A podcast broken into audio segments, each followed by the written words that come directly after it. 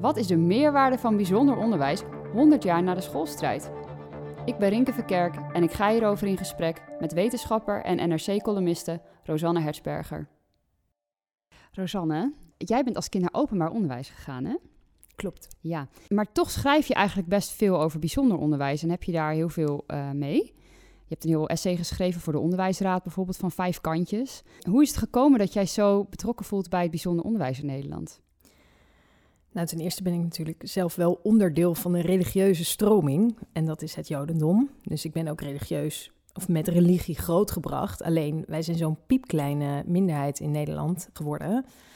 Minder dan 50.000 zijn we volgens mij, inclusief alle Israëlische expats. Dat er twee of drie scholen zijn in Amstelveen en Amsterdam Zuid. Ik weet niet of mijn ouders voor een Joodse school hadden gekozen als die er was geweest. Uh, ik zet me in voor de vrijheid van geloofsovertuiging. En ik denk dat die onder druk staat. En ik, de vrijheid om anders te zijn en andere overtuiging te hebben in het algemeen, dat vind ik een heel belangrijk onderwerp. En dat komt telkens terug in mijn schrijven. En ik denk dat die juist nu uh, verdedigd moet worden. En waarom heb je het gevoel dat het op dit moment verdedigd moet worden? Want het is er al heel erg lang in Nederland. Ja, nou eigenlijk um, twee dingen. Ten eerste vanwege de demografie. Dus uh, de religieuze uh, Nederlanders zijn in de minderheid. Dat is sinds 2018. Uh, ehm, is zeg maar de, het aantal Nederlanders dat zegt tot een religieuze stroming te behoren onder de 50 procent. Maar uh, tussen de 25 en 35 jaar is dat nog maar 40 procent. Dus er was altijd een soort idee van ja, de atheïsten en de agnosten, laat zeggen de, de seculieren, die moeten zich telkens verdedigen tegen het, uh, de overtuiging en de zendingsdrang van uh, de religieuze meerderheid. Ik denk dat het over het algemeen nu andersom is. Maar er is nog een tweede reden en dat is ook de groeiende, laten we zeggen, orthodoxie in, uh, ja, in, bij, die ik bij de atheïsten zie. Dus ik zie echt een nieuwe generatie van bestuurders, uh, politici, maar ook ondernemers, wetenschappers die um, ja, echt ja, hun vertrouwen hebben gesteld in één nieuwe onfeilbare autoriteit en dat is de wetenschap. En jij hebt het gevoel van, als ik je goed begrijp, de, uh, de seculiere, uh, niet-religieuze uh, burgers in Nederland en mm -hmm. bestuurders zijn nu in de meerderheid en hebben nu ineens het gevoel, joh, wij zijn in de meerderheid. Waar hebben wij eigenlijk bijzonder onderwijs nog voor nodig? Waarom zouden wij religieuze minderheden helpen om uh, onderwijs te geven ja. volgens hun opvattingen? Mm -hmm. En hoe merk jij dan dat zij die ruimte aan het, uh, nou, ervaar je dat als dat die ruimte nu bedreigd wordt? Ja, en, en het is niet alleen van waarom hebben wij het nog nodig, maar ook wij hebben gelijk. En um, uh, grotere woede, laten we zeggen, om religieuze uitspattingen. En dan hebben we het natuurlijk over een meer extremere versie. Zoals? Nou, het Haga Lyceum is, is een goed voorbeeld, waarbij er uitgebreide ja, waarbij men massaal ontzettend boos is geworden. Salafistische school, islamitische juist, grondslag, juist. bijzonder onderwijs. Ja, waar daarna uh, binnen NRC heel duidelijk is geworden dat het allemaal nogal meeviel. En dat sterker nog... Want dat, wat was de aantijging initieel? Dat zij banden zouden hebben met terroristische groeperingen? Toch? Dat, maar ook dat er zeer extreme, extreem gedachtegoed... Um, werd gedoseerd. En ja, ik denk dat we dat altijd wat minder acceptabel vinden in de islamitische kringen dan in christelijke kringen. Omdat we, laten we zeggen, het, het, uh, christelijk extremisme kennen we heel goed. Uh, en daar leven we al heel lang mee. Um, maar dat islamitisch uh, extremisme, dat is wel redelijk nieuw. Maar het is daarna best wel duidelijk geworden dat, laten we zeggen, die terroristische invloeden er niet waren. En dat dat bestuur ook echt onterecht is ontslagen. Maar het grotere punt is, is dat wij denk ik, bozer worden op standbeelden en gedachtegoed wat wij echt niet vinden stroken met de wetenschap. En ik, ik schrijf ook over vaccineren voor de correspondent. Dat is even een zijstapje, maar ik zie het daar mm. eigenlijk ook. Want ik ben ook heel boos geworden op antivaccinatieactivisten. Maar het is maar echt een heel klein groepje. Dus jij voelde heel veel emotie aanvankelijk bij mensen die hun kind niet meer willen laten vaccineren. Ja. En toen ben je er echt ingedoken. Ja. En kwam je erachter, ja, ik word echt ontzettend boos over een heel klein aantal mensen die iets doen wat nauwelijks invloed heeft ook op ja. mijn persoonlijke levenssfeer. Juist, en dat als er drie mazelen gevallen zijn, dat, uh, dat het op de voorpagina staat van de krant. Uh, ja, waarom is dat? Omdat we zo boos zijn en omdat we het zo onacceptabel vinden dat dat gebeurt. Nu zijn er ook wel regio's waarin dat extremer wordt, maar ik denk dat we daar nodeloos veel op concentreren. En dat komt omdat we allergischer worden voor mensen die iets anders geloven. minder tolerant. Hè, de hele basis waarop uh, waar Nederland groot ook is, is geworden, is vrees ik een beetje aan het eroderen. Dat... Volgens mij ontstaat er een paradox tussen dat we uit we hebben bijzonder onderwijs uh, opgericht zodat er vrijheid in Nederland kan zijn om uh, volgens je eigen overtuiging te leven. Mhm. En volgens mij ontstaat de vrees dat we door die vrijheid nu ruimte geven aan overtuigingen die uiteindelijk die vrijheid gaan bedreigen. Ja, bedreigen. En, en, en um, heb jij ook het idee dat die paradox er is in het bijzonder onderwijs? Jij noemde zelf in je essay voor de Onderwijsraad iets over theekransjes. Dat de vrijheid van, uh, van onderwijs geen theekransje is. Dus ik heb het idee dat je zelf dat spanningsveld ook voelt. Ja, zeker. En um, ik was uh, bij, de, bij de bijeenkomst op. Um, uh, van de onderwijsraad. En ik vond het heel grappig, omdat uiteindelijk dus je schreef een essay. Kan essay Toen kwam je naar de bijeenkomst. Ja, want het is 100 jaar geleden. Hè? Dus het is 150 jaar geleden, dat, uh, of nog langer, 170 jaar geleden, dat Thorbecke, hè, de vrijheid van onderwijs. Waar overigens de liberalen uh, die dat echt gesteund hebben. Dankzij die liberalen konden de christenen eigenlijk en de katholieken en de protestantse beweging kregen die een meerderheid. Dat was bij Thorbecke al zo in 1848, wat was het, 1850, zoiets. En daarna kreeg je ook nog de financiële gelijktrekking. En dat is 100 jaar geleden. Um, die liberale steun die was nodig, hè? Die, want die geloofden echt in de vrijheid van iedereen. En ook al hadden ze, hoefden ze er zelf niet zo gebruik van te maken, waren zij bereid om te steunen. En, um, en wat mij opviel was inderdaad, ja, het was 100 jaar geleden en uh, we zagen dat het, ja, het was een prachtige bijeenkomst, maar ik merkte ook wel dat het een beetje een theekransje was. Als in, het was wel erg gezellig. Terwijl de vrijheid van onderwijs is echt iets wat met hand en tand verdedigd wordt. En waar je dus, weet je, vrijheden zijn. Dat maakt helemaal niets uit. Je kan iedereen zoveel vrijheid geven als hij wil. Als hij er maar niets mee gaat doen wat jij onsmakelijk vindt of onprettig of wat tegen jouw geloofsovertuiging Dan is het gaat. niet moeilijk. Ja, het is heel makkelijk om vrijheid te verdedigen. Vrijheid van meningsuiting als iedereen gewoon dingen zegt die uh, best wel keurig zijn en niet vervelend en niet... Uh, ja. Maar um, wat, wat mij nu zo opvalt, is dat de mensen die eigenlijk vooraan zouden moeten staan om die vrijheid te verdedigen, dat zijn de liberalen, als je dat de VVD nog mag noemen. Waarom of D66. zijn zij dat? Ja, van de oorsprong wel liberale. Hè, had je binnen de VVD echt een sterke liberale grondslag. Uh, niet allemaal waren ze zo, maar uh, en, en D66 ook. Dat zij eigenlijk vooraan zouden moeten staan om de vrijheden van de mensen die ze eigenlijk waar ze het compleet niet mee eens zijn, die hen zelfs boos maakt, uh, die vrijheden moeten verdedigen. Uh, wat je nu zag, wat ik wel mooi vond bij dat Haga Lyceum, um, Klaas Dijkhoff, de, de VVD-leider, die zei zoiets van: ja, de vrijheid van onderwijs, als dat nou gebruikt wordt om, uh, ja, is prachtig, maar als het gebruikt wordt of misbruikt wordt om een parallele samenleving te creëren, um, dan, uh, dan kan dat niet langer zoiets. Um, terwijl volgens mij is artikel 23 die vrijstelling is, is, is bedoeld om een parallele samenleving in stand te houden. Is om, om mensen te faciliteren om enigszins in hun eigen bubbel te blijven. We hebben een uitbreiding. Dus ik, ik begin in mijn essay met de onderwijsdwang eigenlijk. Dus ik zeg de onderwijsonvrijheid is 17 jaar ouder dan de onderwijsvrijheid. Ik bedoel uh, leerplicht. En die is enorm uitgebreid. Dat is eigenlijk een on, ondenkbare inbreuk op de vrijheid van elke burger. Je moet 13 jaar van je leven ja. verplicht onderwijs volgen. Ja. Tenzij je eerder een diploma haalt. Ja, dus als je 16 bent en je hebt een diploma of 15 bent, uh, dan heb je een diploma. Als je diploma nog niet bent, dan bepaalt de staat waar jij je de hele dag bevindt, eigenlijk, waar je ja. bent. Um, en, en als je niet komt opdagen, dan komt er een leerplichtambtenaar en daarna een officier van justitie. En die komt je dwingen om plaats te nemen. Dus die onvrijheid, ik zeg nou, die vrijheid is dan het minste wat je kan doen. Nog mensen in staat stellen om e enigszins de eigen slingers op te hangen in de schooltjes. Je mag um, zelf een beetje invulling geven aan hoe je verplicht bent 13 jaar van je leven te besteden. Juist. En weet je, dan gaat kinderen die beslissen dat natuurlijk. Uh, zeker als ze jong zijn, niet zelf. Maar dat ouders in ieder geval zeggen dat de huiselijke kring en het gezin. Want dat is ook nog heel erg de vraag: hè, van hoeveel zeggenschap heb jij nou eigenlijk over jouw kind? En zo niet, wie heeft er dan wel zeggenschap over? Um, ja, dat je daar zegt: ik kies ervoor om het kind, mijn kind, de identiteit ook mee te geven. En niet onder het juk van de meerderheid, de steeds atheïstische meerderheid, ja. op te groeien. Nou, die vrijheid die wil ik verdedigen. Daarom, heb ik, daarom maak ik me er zo druk over. Ja, en daar staat het voor jou voor. En, en um, zijn er dingen die voor jou een limit zijn aan die, hoe ver die vrijheid reikt? Is er een limit aan de vrijheid om dingen te onderwijzen? Kijk, ik persoonlijk heb op een uh, reformatorische middelbare school gezeten, het ja. College in Gouda. Moest een rok aan en zo, nou prima. Maar ik had ook een godsdienstdocent die zei dat uh, homo's gecastreerd moeten worden. Ja. En daar zaten ook een. Kijk, en ik was toevallig dan op een Dalton basisschool uh, onderwezen en kon heel goed zelf nadenken. Maar ik weet dat er ook mensen in mijn klas hebben gezeten die thuis ook niet heel veel anders horen. Ja. En dan door een door overheid gefinancierde onderwijs. Ja. Eigenlijk nog steeds uh, ja, een beetje geïndoctrineerd worden. Dat is wel een Ja. woord wat ik daarvoor durf te gebruiken. Ja.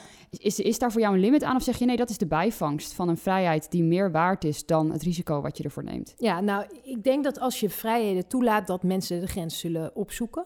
Ja. En daar soms overheen gaan. Ik denk dat het, dat wat het genoemde voorbeeld daar overheen is. Dat je daar tegen zou kunnen moeten optreden. Maar je hoeft ook geen politie in de klas te zetten. En ik denk dat, eh, eh, weet je, ook de keuze om dingen niet te doseren, bijvoorbeeld. mm, Evolutietheorie. Eh, Ik ben microbioloog, hè, dus ik vind dat nogal belangrijk. Maar als je zegt, nou, dat heeft geen prioriteit bij ons. Of dat heeft een, een kleinere rol. Ja, eh, gut, ga je gang. Want ik, ik denk dat dat een overtuiging, of in ieder geval een keuze in het onderwijs mag, mag zijn. En wat Hmm. me ook wel opvalt, is het, is natuurlijk een compleet andere samenleving 100, dan 100 jaar geleden, waarin het nogal moeilijk is om de buitenwereld echt buiten de deur te houden. Ik bedoel, als je echt in je eigen bubbel wil blijven en ook nergens wil horen dat homo zijn best normaal is en geaccepteerd en Ja. dat iedereen van wie dan ook moet, houden, eh, moet kunnen houden. Ja, ik eh, zag een voorbeeld in Ruinerswold, waar je echt eh, op extreme wijze je kinderen in een kelder moet stoppen, omdat ze niet aan de buitenwereld, ik bedoel, Bloot te stellen. ook in de, in de reformatorische kringen zie je de influx van internet. Ook in de orthodox-Joodse kringen zie je daar de influx van andere gedachtegoed. Dus Clicksafe.nl was onze browser. ja, echt? ik denk dat dat nog wel een klein beetje beheerst En wat werd, was maar daarin geblokt? Alles over seksualiteit, homo's. Volgens mij kon je ook niet op Hotmail. Oké. Want daar stonden advertenties op die niet En, helemaal eh, kosher zijn. en nos.nl over, ja, daar eh, kwam je gewoon. Dus dat ja. natuurlijk. Ja. over Rob Jetten, die zich boos maakt over geweld tegen homo's. Ja. En, eh, en dat ook dus duidelijk is dat een van de belangrijke politieke leiders zelf Ja. eh, homo is. En Ja. Nou, Ja. ik kan er ook van getuigen. Kijk, er wo- wordt ook heel vaak gedaan alsof je dan volledig geïndoctrineerd raakt. Het effect op mij was dat ik zoveel dingen hoorde die mij tegen de haren instreken, dat ik juist zelf ben gaan nadenken. Ja. Dus je kan ook, dat geldt ook niet voor iedereen. En, en als je altijd maar op openbaar onderwijs wordt dat alles gelijk is, dan is het ook misschien wel lastig om ergens tegen over je mening te vormen. Dan, Ja. Dus het, het is ook dubbel. Maar ik was wel benieuwd ook van, het is prachtig christelijk jargon trouwens. Ik kan ervan getuigen. Oh, man, het slijpt er, het er gewoon tussendoor. Ja, je het zou er niks verboden moeten worden op die drie star. Ja. Hey, en, maar je zegt dus van, er is eigenlijk voor jou geen limit. Het is meer dat er dingen te betreuren Nee, nee, zijn. nee, er is zeker wel een limit. Ja, geweld, eh, weet je, het, eh, weet je, een deel van de vrijheid van meningsuiting bijvoorbeeld. Hè, dat geldt ook gewoon voor scholen.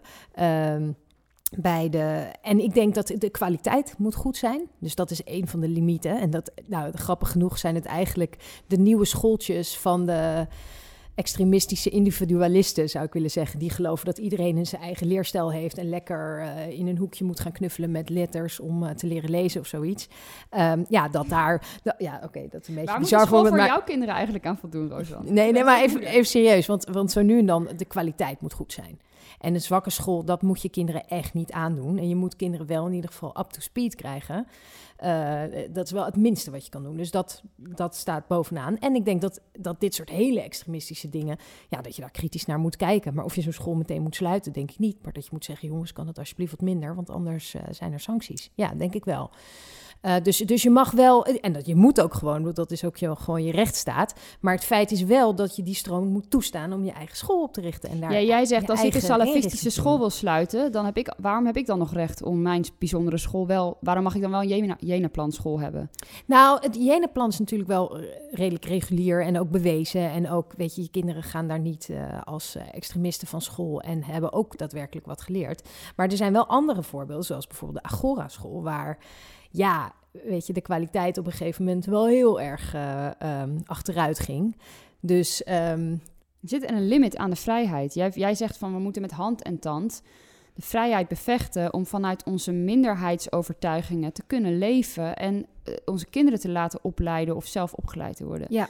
En, en mijn vraag is, zit er voor jou een limit aan? En jij zegt volgens mij, als ik je goed begrijp, er zit zeker een limit aan, maar de consequenties daarvan, daar vind ik dat we ook nog over moeten blijven praten. Dus dat betekent niet direct dat bijvoorbeeld uh, de Haga-school gesloten moet worden als er vermoeden is dat er banden zijn met terroristische uh, groeperingen of dat er extreem islamitische overtuigingen worden onderwezen die onze vrijheid bedreigen. Nee, dan gaan we sancties ja. uh, dreigen en niet meteen de hele tent dichtgooien. Maar ik bedoel, nu is ook wel duidelijk geworden, Arie Slob, die, uh, dat is ook wel duidelijk geworden dat dat te ver is gegaan. En dat sterker nog, het bestuur van het Haga Lyceum daar echt wel gelijk heeft gehad. Ja, en, het is interessant, jij was boos op Arie, jij schreef een column van, joh, als iemand hier eigenlijk als een soort beschermheer moet optreden voor de vrijheid van de Haga-school, dan is het meneer Slop die zelf uh, vanuit zijn christelijke overtuigingen ook ruimte wil krijgen om kinderen op te leiden binnen die overtuiging. Juist. Ja. En jij was eigenlijk, jij dacht van die man heeft het even niet meer helemaal de helikopterview hier scherp. Nou, maar dat is het jammere dat, dat dus eigenlijk hè, de liberalen die willen niet de vrijheden verdedigen als daar iets mee wordt gedaan wat ze, uh, wat, wat ze niet, niet kies vinden. De christenen, uh, de ChristenUnie wil ook niet verdedigen dat andersgelovigen um, hun eigen vrijheid tot inrichting van hun scholen hè, daar gebruik van maken. Of is daar nodeloos streng voor. Ik, ik denk dat Um, het kost heel wat om, laten we zeggen, Geert Wilders vrijheid van meningsuiting te geven. En zeggen, weet je, je mag best zeggen dat wij in Nederland minder Marokkanen uh, uh, moeten hebben. En ja, daar zoekt hij absoluut de grenzen op. Gaat hij de grenzen over van het betamelijke, maar ook het grondwettelijke? Dat is een tweede vraag. Dus uh, ja, ik vind dat. Um, ik vind, dat, ik vind dat hele belangrijke vragen. Je vraagt waar een school voor mijn eigen kinderen... Ja, daar, daar wilde ik je net uh, ja. nog een keer aan herinneren, ja. Nou ja, als, als Joodse Nederlander ben ik gewend dat er... Weet je, dat, dat je in een... Dat je niet in je eigen bubbel kan blijven. Ik wil dat ook niet. Maar dat je in ieder geval... Uh, mijn, mijn, voor mijn oudste hebben we nu gekozen voor een katholieke uh, basisschool...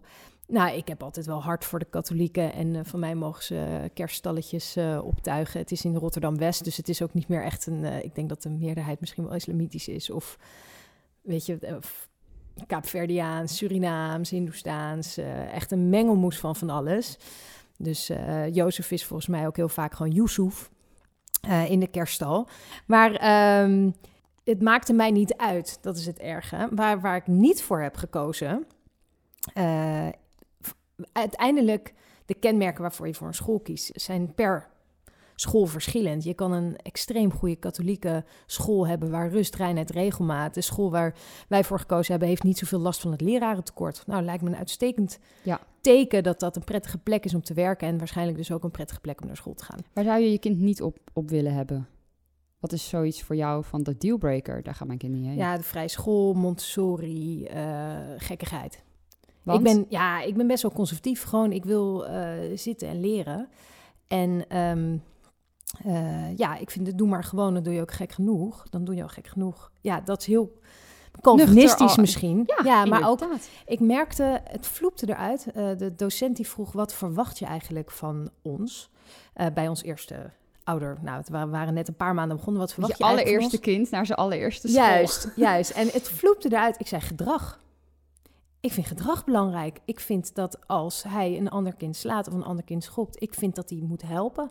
En dat hij moet opstaan voor de zwakkeren van de school. Ik vind dat hij een goed burger moet zijn en een goede klasgenoot en een goede vriend. En um, ik, ik dacht, oh, het vloekt eruit. Dat is natuurlijk ook vanuit. Waarom vind je dat dan? Je zegt ook, je kijkt bijna een beetje beschaamd met je hand voor je mond van, oh, het ja, vloekt nou, eruit. En waarom heb je daar dan een soort gêne over nou, dat je dat zei? ouderwets. Wie ouderwets? Ja, nou ja, wel een beetje. Ik dacht, Kijk, wij hebben natuurlijk. Misschien doe ik het wel verkeerd, want ik kom uit het privilege dat. Wij hebben het privilege dat mijn kinderen spreken heel goed. Um, ze groeien op in misschien wel in, in een redelijk intellectuele omgeving waar allerlei academische, uh, literaire types over de vloer komen. En ja, gewoon twee schrijvers als ouders, wetenschappers. Dus ze worden gewoon doodgegooid met content en input en informatie. Informatie. Dus Jij wilt een school voor formatie.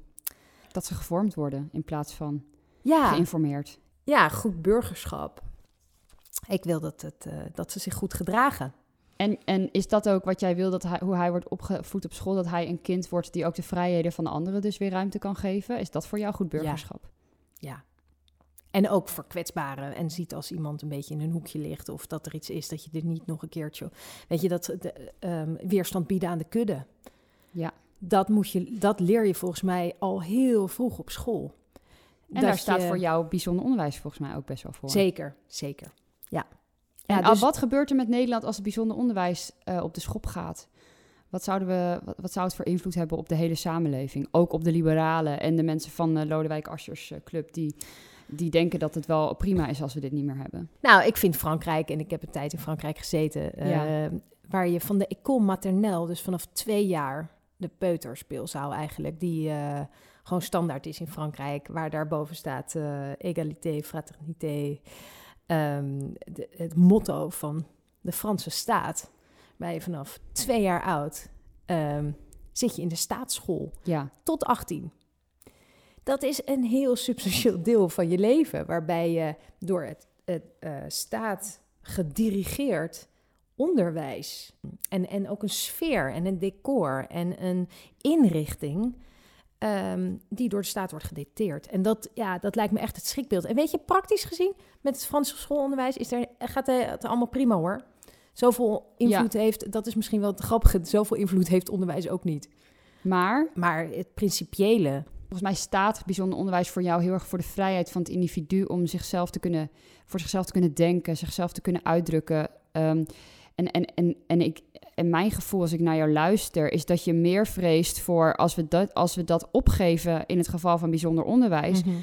dat, dat überhaupt de ruimte voor minderheden weer ergens kleiner wordt. Ja, en het is niet, niet zozeer de ruimte van het individu, het is de ruimte van de gemeenschap.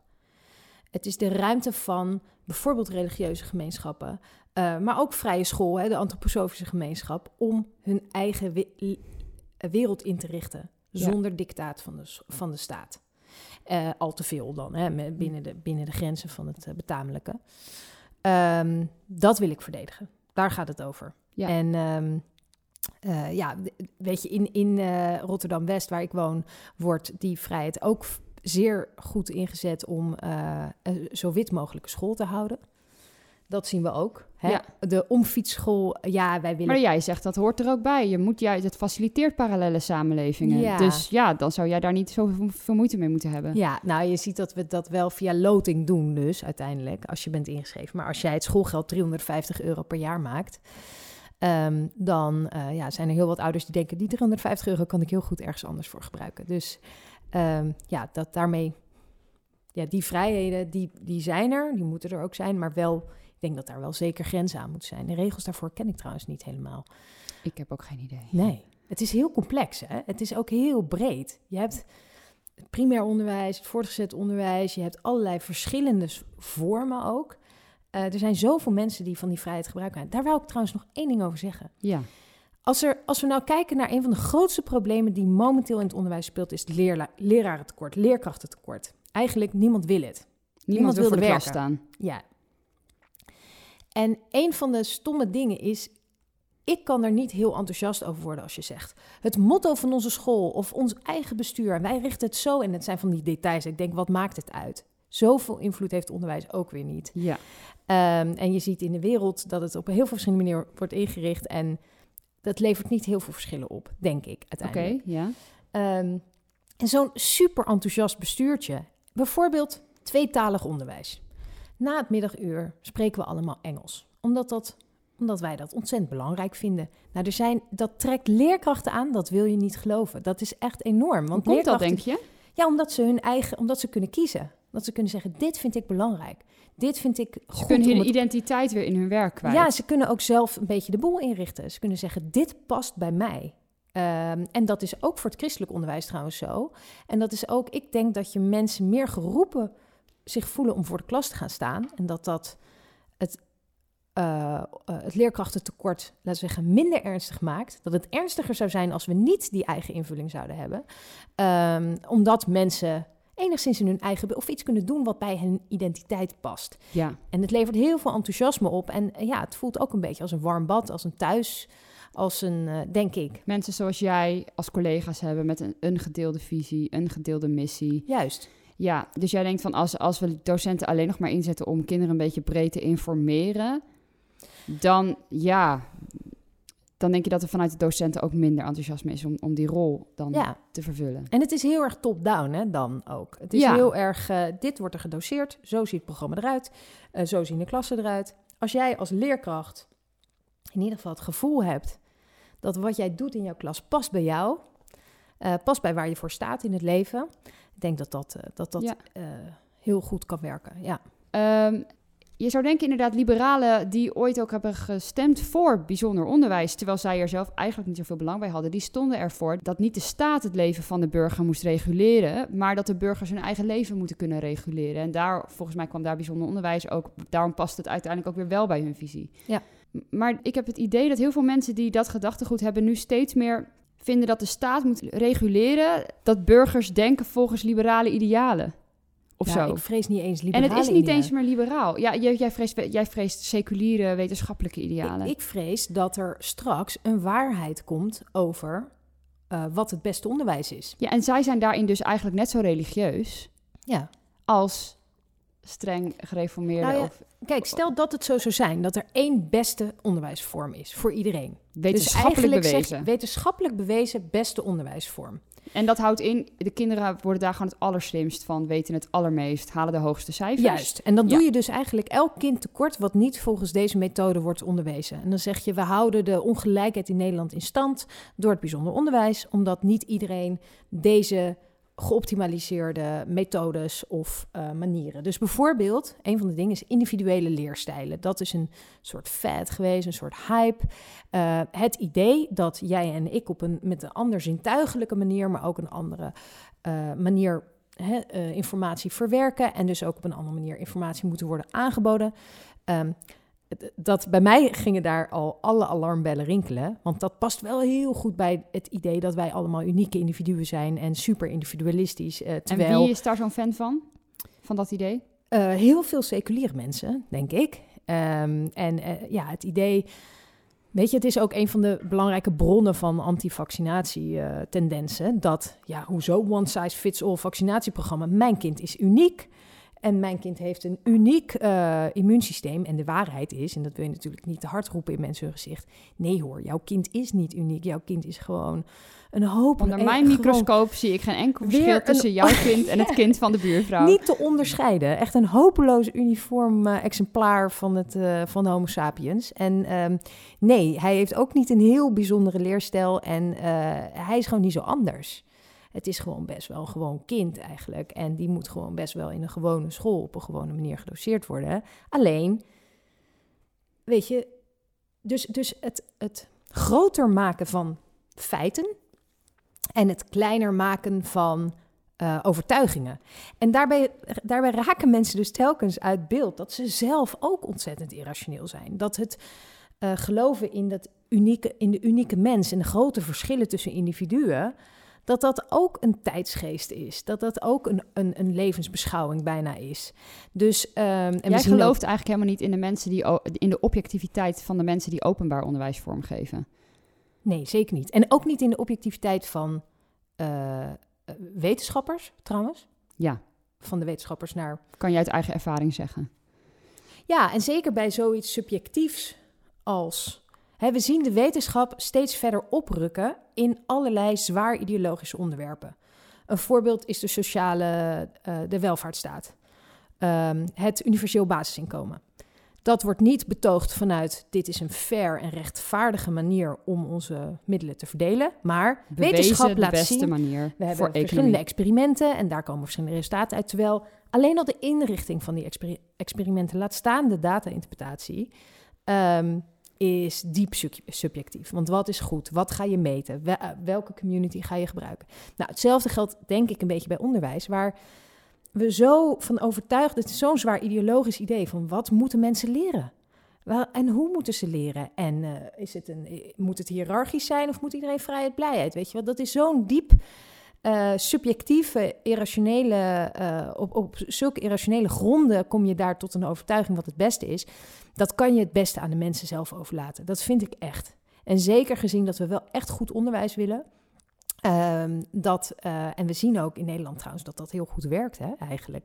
Dus dat uh, ons onderwijssysteem echt helemaal niet onderdoet dan een zwaar staatsgereguleerd onderwijssysteem als, mm. als Frankrijk. En dat de problemen die we nu zien met lezen en rekenen, dat die andere oorzaken hebben dan dat scholen hun eigen invulling mogen geven. Ja, dus uh, ja, ik zie die irrationaliteit eigenlijk overal. Uh, ik heb daar vorig jaar trouwens ook een boek over geschreven, Het Grote Niets, waarom wetenschap te veel invloed heeft.